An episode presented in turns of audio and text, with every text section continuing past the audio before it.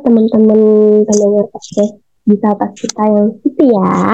Balik lagi ke bisa Talk pada sesi kali ini ditemani sama saya, yaitu Dina Amalia dan juga aku di sini uh, mau menemani dari uh, guest kita, dari pembicara kita. Uh, mungkin dari kakaknya mau perkenalan diri dulu. Oke, makasih Kak Dina. Oh ya, hai teman-teman Gisotok. Perkenalkan, aku Putri. Ya, aku Putri. Terus apa lagi ya? um. uh, aku dari jurusan Gizi di Unisa semester 4. Oh. Ada lagi nggak kan? oh ya, kakak sekarang lagi sibuk apa kak nih? Oke, okay. Kalau sibuk sih memperbaiki diri gak sih? Sibuknya beda banget ya guys, mengupgrade diri. Enggak, ya karena udah libur ya. Alhamdulillah oh, iya. tugas udah terselesaikan dengan baik. Mungkin sekarang untuk kesibukan udah sedikit menipis, say. Ah, alhamdulillah. Alhamdulillah. Uh, ada lagi kak mungkin buat TMI buat teman-teman kita. Kalau enggak, mungkin itu aja dulu Kak Din. Ah ya udah. Oke, jadi teman-teman di Saltak hari ini aku ditemani sama Kak Putri. Uh, kita hari ini bakal bahas sesuatu yang sangat relate pastinya sama kehidupan. Eh kok berat banget sih bahasanya kehidupan. Uh, relate sama apa yang kita jalani sehari-hari gitu. Nah sebelumnya uh, gimana nih teman-teman bisa tak semuanya semoga uh, tetap lancar ya puasanya. Semoga belum ada bolongnya puasanya ya.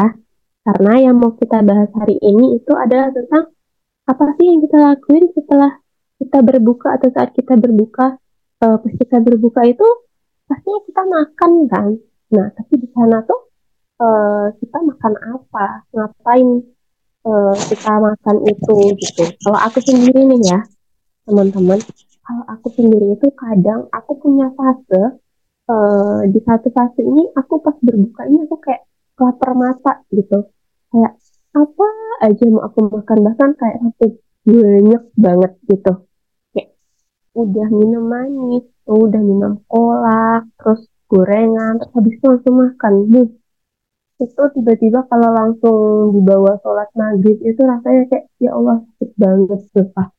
Nah kalau dari Kak Fitri sendiri gimana tuh Kak pandangannya seperti itu? Udah pastinya kita tahu kan kalau semua hal yang berlebihan itu nggak baik.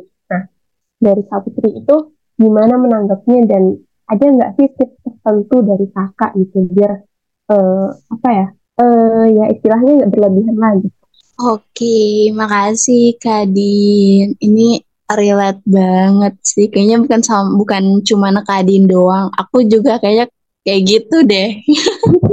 kita kita buka-bukaan aja yang sebenarnya gitu.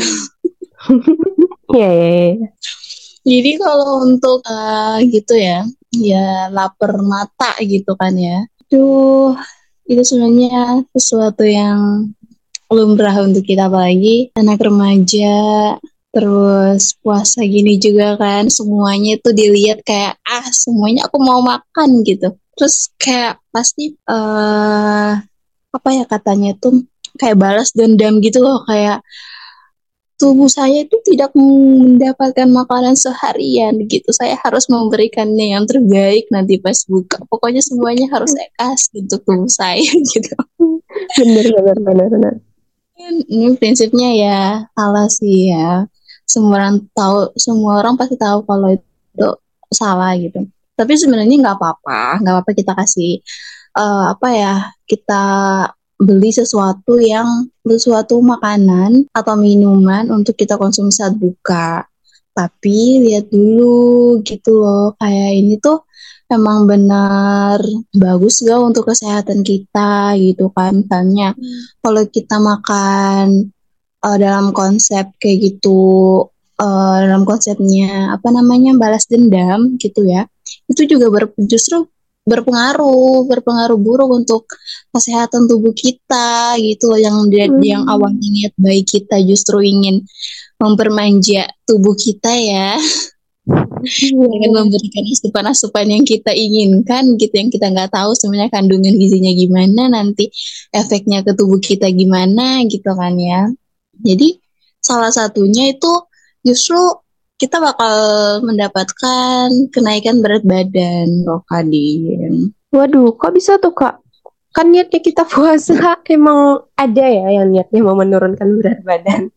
Iya, justru orang kan mikirnya kayak gitu kan kayak, aduh, udah mau puasa nih gitu kan. Pokoknya aku harus diet nih puasa, aku harus diet nih puasa. Jadi orang biasanya yang kemarin-kemarin sebelum puasa pasti dietnya eh, banyak yang banyak yang gagal kan ya karena dikit-dikit ah besok aja deh dietnya ah besok aja deh dietnya terus pas puasa mau diet eh malah salah gitu kan ya jadi justru karena uh, apa ini mereka nggak makan kan nggak mengkonsumsi makanan dari mereka mengkonsumsinya itu sahur aja gitu kan mau konsumsinya sahur terus nanti udah apa uh, waktu itu mereka nggak mau konsumsi berkonsumsinya pas berbuka Nah, pas berbuka itu mereka uh, mengkonsumsi makanan yang berlebihan gitu loh, apalagi yang baru bener-bener baru buka gitu kan. Orang kan biasanya yang sebenarnya yang seharusnya itu kan uh, kita bukannya ya yang seadanya aja dulu gitu kan. Yang penting udah batalin nih gitu kan.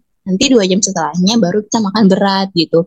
Jadi makan beratnya yang justru bakal berpengaruh pada kenaikan berat badan kita tuh misalnya tuh misalnya pas buka itu kita langsung kayak uh, mau makan namanya kita langsung makan uh, makanan yang berkarbohidrat tinggi, terus berlemak tinggi, kayak misalnya bakso, terus mau makan seblak juga, terus mau makan kue tiaw juga. Pokoknya pas buka itu minum air langsung makan tuh. Jadi baksonya habis, kue habis, seblaknya juga habis. Waduh, ini niat niatnya kita yang mau apa namanya niatnya kita yang mau diet justru hal tersebut dilakukan secara berulang terus menerus selama 30 hari ya itu pasti bakal naik berat badannya hmm. apalagi apalagi misalnya tuh dia berbuka makan sebanyak itu terus nanti uh, selingannya belum lagi selingannya kehitung tuh. Selingannya nanti nanti makan apa lagi gitu kan. Apalagi kalau makannya belum lemak lagi yang karbohidratnya tinggi lagi terus nanti sahur makan lagi.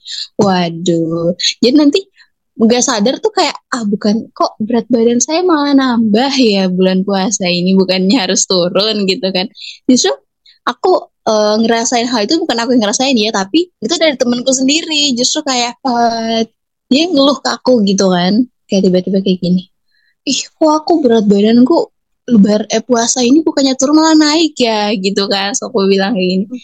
Waduh ada mas ada masalah juga sama prinsip makanmu ternyata gitu kan. Hmm. soalnya emang dia tipenya kayak gitu orangnya yang kayak cuci apa sih namanya tuh bener-bener lapor mata gitu.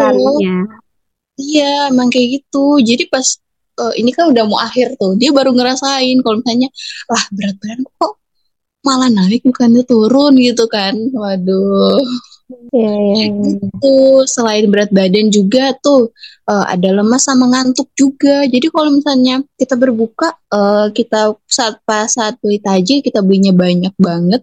Terus pas berbuka kita langsung makan semuanya gitu kan. Itu justru membuat kita jadi lemas sama uh, mengundang rasa ngantuk. Endingnya kita nggak sholat terawih lagi gitu kan. Ini nggak apa-apa beli banyak atau enggak uh, misalnya belinya ya ya yang seadanya aja gitu. Misalnya kan berbuka belilah kue-kuehan es buah itu untuk buka. Terus nanti kalau mau makan berat ya udah belinya bakso atau enggak masak atau enggak masak nasi terus belinya lauk di luar. Itu udah udah cukup gitu loh. Tapi uh, diimbangi juga misalnya kita uh, apa sih namanya itu? Kita berbuka dulu berbuka sama manis-manis gitu kan uh, buka air putih atau enggak es buah sama kue-kuehan atau enggak kurma. Terus sholat dulu sholat maghrib. Mau langsung makan berat juga nggak apa-apa. Atau enggak tunggu terawih dulu baru makan. Karena kalau misalnya kita makan duluan makan berat dulu baru terawih itu tuh kita bisa kayak ngerasain ngantuk gitu loh kayak aduh aku udah ngantuk gitu kan. Gak jadi sholat terawih lagi gitu. Walaupun dia sholat terawih lagi itu pasti dia bakal susah untuk gerak gitu loh. Kayak aduh kenyang banget nah, aku udah nggak bisa yeah, sujud. yeah, iya iya iya iya iya. Nah, gitu. Terus selain lemas dan ngantuk juga justru kita juga bakal ngerasain mual dan uh, muntah juga loh kak kalau misalnya kita makan berlebihan saat berbuka gitu loh. Oh iya. E, itu kenapa tuh kak?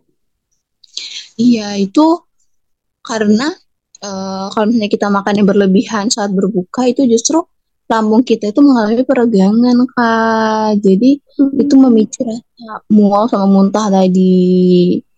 Kayak hmm. itu sama halnya dengan nggak cuma mual dan muntah juga itu bisa berpengaruh sama gangguan pencernaan kita juga. Jadi saat misalnya nih kita kan terakhir makan tuh sahur tuh. Terus paginya hmm. sampai siang sore itu kosong kan bener-bener kosong tuh uh, lambung kita. Terus pas berbuka kita isinya langsung terus langsung banyak gitu kan. Waduh itu uh, lambung kita tuh udah dia tuh apa ya katanya katanya tuh ya jadi kaget gitu loh kak. Jadi uh, dia apa dia meregang terus dia meregang karena dia kaget gitu. Seharian gak diisi sekalian diisi itu langsung diisi. Full banget gitu loh nggak yang kayak bertahap gitu kan. Dikit-dikit gitu kan ini enggak dia makannya langsung terus semuanya dimakan gitu. Jadi kalau dilakuin uh, apa dilakuin terus menerus juga akan berakibat sama lambungnya jadi kasihan sama gangguan pencernaannya gitu kak. Oh iya iya iya. Ternyata buruk banget ya kak.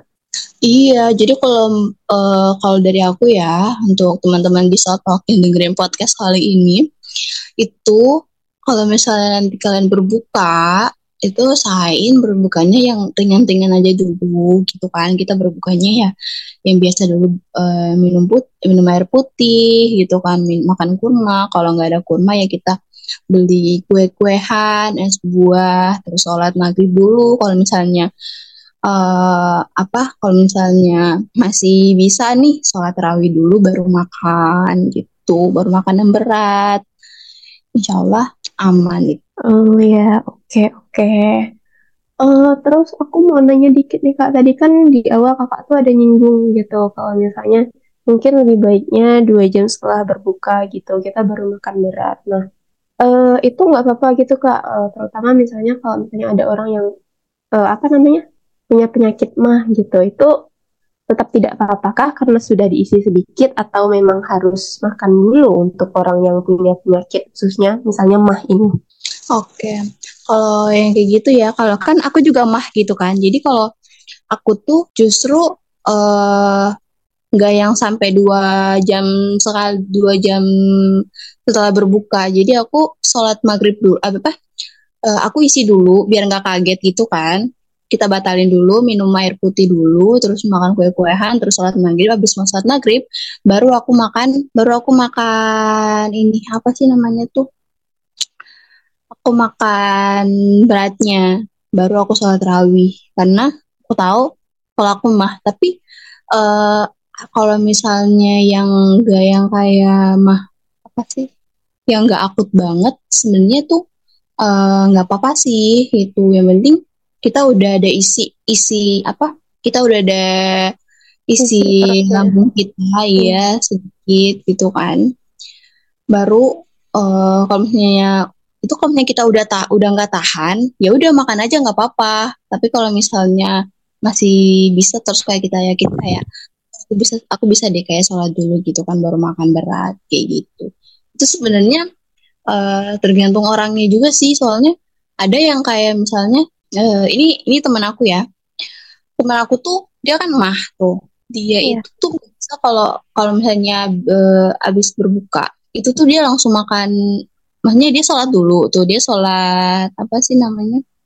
Maghrib. Iya. Dia dia kan aku tuh tapi dia tuh pas sebelum sholat maghrib hanya pas berbuka itu tuh dia makannya makannya kan makan apa sih? Makan itu makan kue-kuehannya itu ya dalam jumlah yang sedikit sedikit banyak tapi nggak banyak banget gitu loh. Kayak yang sedang-sedang aja gitu kayak hanya dua sampai tiga atau enggak sampai empat uh, buah kue gitu kan ya ya ya ya sama buah itu baru dia sholat maghrib terus dia terawih juga. Habis sholat terawih baru dia makan berat. Dan setelah hmm. dia ngelakuin hal itu selama bulan puasa itu ya dia nggak kenapa kenapa dia kenapa kenapa juga kayak ya udah. Karena tapi ada satu saat dia yang kayak misalnya karena dia waktu ininya apa sih waktu waktu sahurnya itu dia nggak mau konsumsi minuman ah dia, dia tidak minum obat mah gitu kan nah yeah. itu iya. tuh dia benar waktu berbuka tuh dia udah nggak tahan dia langsung konsumsi makanan uh, berat tapi konsumsi makanan beratnya setelah setelah sholat tarawih eh sholat tarawih kok sorry setelah sholat maghrib gitu tapi nggak dalam jumlah banyak sih soalnya kan kalau misalnya dalam jumlah jumlah banyak juga bakal justru berpengaruh buruk juga kayak gitu kak. Oke, okay, jadi uh, intinya tuh semuanya tuh prinsip pengelolaan porsi makan lah ya kak dari semua iya. masalah yang ada itu. Benar-benar. Oke, terus uh, terus aku mau nanya lagi nih kak, dikit aja. Kakak tadi juga ada nyem, uh, juga sempat nyebutin kan kalau itu puasa sambil diet.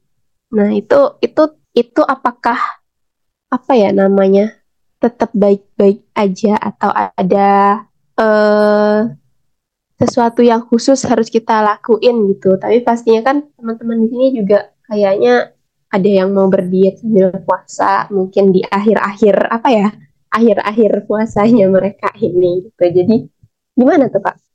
Diet saat puasa ya? Hmm. Gitu kan. Oh kalau misalnya diet saat puasa itu sebenarnya nggak apa-apa sih. Cuman yang penting kita bisa ngatur. Yang penting nih orang uh, individu ini tahu gitu loh. Kalau misalnya dia tahu cara ngatur uh, porsi makannya gitu. Uh, sih gimana ya cara ngomongnya tuh bentar, bentar. kayak dia udah apa ya udah tahu oh sahur segini gitu misalnya uh, iya sepertiga piringnya gitu gitu ya kak iya jadi kalau misalnya saat uh, kalau misalnya nih orang kan orang kan uh, apa dia tuh asal diet aja gitu loh kak. Tanpa apa dia cari tahu dulu maksudnya dia tuh yang bener itu kayak gimana sih gitu kan ya. Kalau misalnya orang yang dietnya biasa orang yang cuma tahu aku mau diet itu kan yang penting makan aja. Makan aja pas apa sih namanya itu? Makan aja saat uh, sahur tuh. Makannya dikit tuh. Kenapa makannya dikit soalnya aku diet gitu kan. Jadi sehariannya tuh udah gak makan. Terus pas berbuka nah lihat lah pas berbuka dia makan apa aja. Dia makan bakso lah dia makan seblak lah dia makan ketiau lah semuanya yang berlemak semua yang dia makan karbohidrat tinggi semua yang dia makan. Yang nggak ada pengaruhnya sama sekali juga sama berat badannya. Nantinya malah mukanya turun malah naik gitu kan. Itu karena kurangnya pengetahuan. Tapi kalau misalnya dia tahu caranya ngatur uh, apa diet yang benar kayak gimana cara ngatur porsi makan dia gimana apalagi kalau misalnya dia uh, dia mah gitu kan terus dia mau terus dia mau diet juga itu uh, dia dia dia tahu nggak gitu kayak ngaturnya gitu. Sebenarnya nggak apa-apa yang penting dia uh, dia udah yakin kalau misalnya dia udah punya edukasi tersendiri atau pengetahuan tersendiri tentang dia mau diet apa gitu loh. Dia udah yakin nggak mau diet itu, dia udah bisa nggak diet itu dengan uh, pengetahuan yang dia tahu kayak gitu kak. Oke, jadi intinya tuh uh, kalau kita diet mau menurunkan berat badan itu nggak ya sembarangan kayak langsung aku nggak mau makan ini, aku nggak mau makan nasi, stop itu nggak ya kak. Pokoknya semuanya kalau kita makan itu harus tercukupi dari segi karbohidrat, protein hewani nabatinya, terus apa lagi ya kak, lemak, terus kayak seratnya dan vitamin-vitamin lainnya tuh juga tetap dibutuhin sama tubuh kita, gitulah ya kak intinya. Iya, jangan justru yang sebenarnya nggak kita butuhin. Kalau misalnya diet yang nggak terlalu kita butuhin justru kita perbanyak, yang justru kita butuhin banget itu kita sedikitin kayak gitu. Oke. Okay. Berarti memang eh, intinya itu eh, hanya pengurangan aja gitu, tapi tidak semuanya lalu serta merta dihilangin gitu ya kak. Okay. Iya benar. Jadi cuma kayak mikirnya aku nggak makan aja berat badanku pasti bakal turun gitu tapi uh, ternyata pas buka nanti dia makannya gimana terus uh, eh, 15 menit setelah itu dia makan apa lagi sampai sahurnya makan terus nggak makan tuh pure cuman pas uh, pas dari sahur sampai maghrib doang itu udah gak makan tuh. Terus yeah. sama iya. aja loh. Benar-benar malahan kalau yang kayak gitu tuh nggak sehat banget ya kak. Jadinya cuma apa ya tiba-tiba dipaksain tubuh makan langsung banyak gitu. Terus nanti nggak ada asupannya lagi. Jadi kayak apa ya istilahnya pembagian asupannya tuh nggak rata gitu gak sih? Iya benar Kak Din. Oke. Okay. Kalau uh, pesan aku ya kalau untuk teman-teman kisah talk yang mau yang mau tetap diet di bulan puasa itu tuh perbanyak pengetahuannya dulu. Ya sekarang kan teknologi canggih lah ya. Banyak informasi informasi yang bisa kita dapatin dari teknologi itu. Jadi kita kita benar-benar kalau misalnya masih nggak yakin sama uh, sama apa sama Google kan banyak juga eh, platform-platform uh, yang buka jasa untuk konsultasi ke ahli gizi juga kan ya Kak Din. Jadi lebih iya, amannya benar. daripada kayak kita cuman uh, logika aja gitu loh kayak nggak usah makan lah ya udah turun juga berat badanku. Iya turun tapi uh, sehat nggak gitu loh efek hmm, sampingnya betul. ada nggak untuk untuk apa namanya untuk organ organ organ tubuh kita yang lainnya gitu kak Benar, benar, benar. Jangan sampai ya gara-gara kayak gitu nanti tubuh kita malah kekurangan protein tuh kan malah banyak tuh dampaknya segala macem ya kan kak. Iya benar. Oke. Uh, mungkin kita udah cukup lama nih kak berbincang-bincang. Udah hampir setengah jam sepertinya gitu ya kak. Udah lumayan banyak juga info yang udah kita dapetin dari Kak Putri nih pastinya selaku apa ya guest kita pada hari ini gitu. Oke, jadi uh, mungkin buat teman-teman Gisatak hari ini, jadi intinya itu adalah uh, setelah berbuka itu kita tuh harus punya prinsip untuk mengelola porsi makan kita gitu. Jangan sampai kita hanya uh, kayak termakan sama nafsu uh, kita lapar mata gitu. Itu kita turutin itu jangan ya teman-teman. Jadi kita harus punya prinsip pengelolaan porsi makan juga dan juga uh, harus diperhatiin kalau misalnya teman-teman itu uh, apa namanya melakukan diet saat uh, puasa itu gimana harus uh, semua apa ya komponen nutrisi baik itu karbohidrat dan teman-temannya itu juga harus tetap tercukupi selama uh, puasa gitu.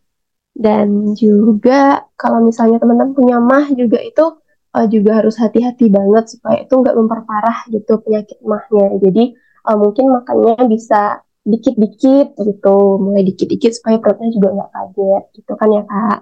Bener Kak Din. Oke, okay. thank you banget nih Kak Putri udah uh, keren banget bagi informasi dan juga udah nemenin sesi Gisalta kita pada hari ini. Sayang banget kita uh, belum bisa lebih lama lagi. Mungkin di lain kesempatan kita bisa ketemu lagi lah ya Kak.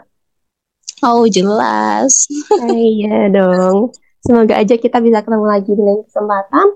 Mungkin uh, itu aja dari kita, teman-teman, dari kita berdua, dari aku dan juga Kak Putri untuk sesi Gisatak hari ini. Uh, kurang lebihnya kita mohon maaf kalau ada kesalahan kata juga. Uh, see you di lain kesempatan dan juga kalau ngucapin selamat lebaran sekarang kecepatan nggak ya kak? Oh gak apa-apa dong kayaknya tinggal menghitung hari deh nih kak. Bener-bener dan juga ini karena adalah sesi terakhir dari Gisata kita mengucapkan selamat Hari Raya Idul Fitri karena uh, mungkin nanti kita belum bertemu lagi gitu. Jadi dari kami mengucapkan selamat Hari Raya Idul Fitri buat teman-teman yang merayakan. Selamat berlibur, selamat uh, menikmati waktunya bersama keluarga. Uh, dari kita mungkin itu aja. See you di lain kesempatan di episode Gisata selanjutnya. Bye-bye buat teman-teman bisa tak semuanya. Terima kasih sudah mendengarkan. Bye-bye. See you juga Kak Din. Sehat-sehat ya. Selamat berlibur. See you Kak Putri.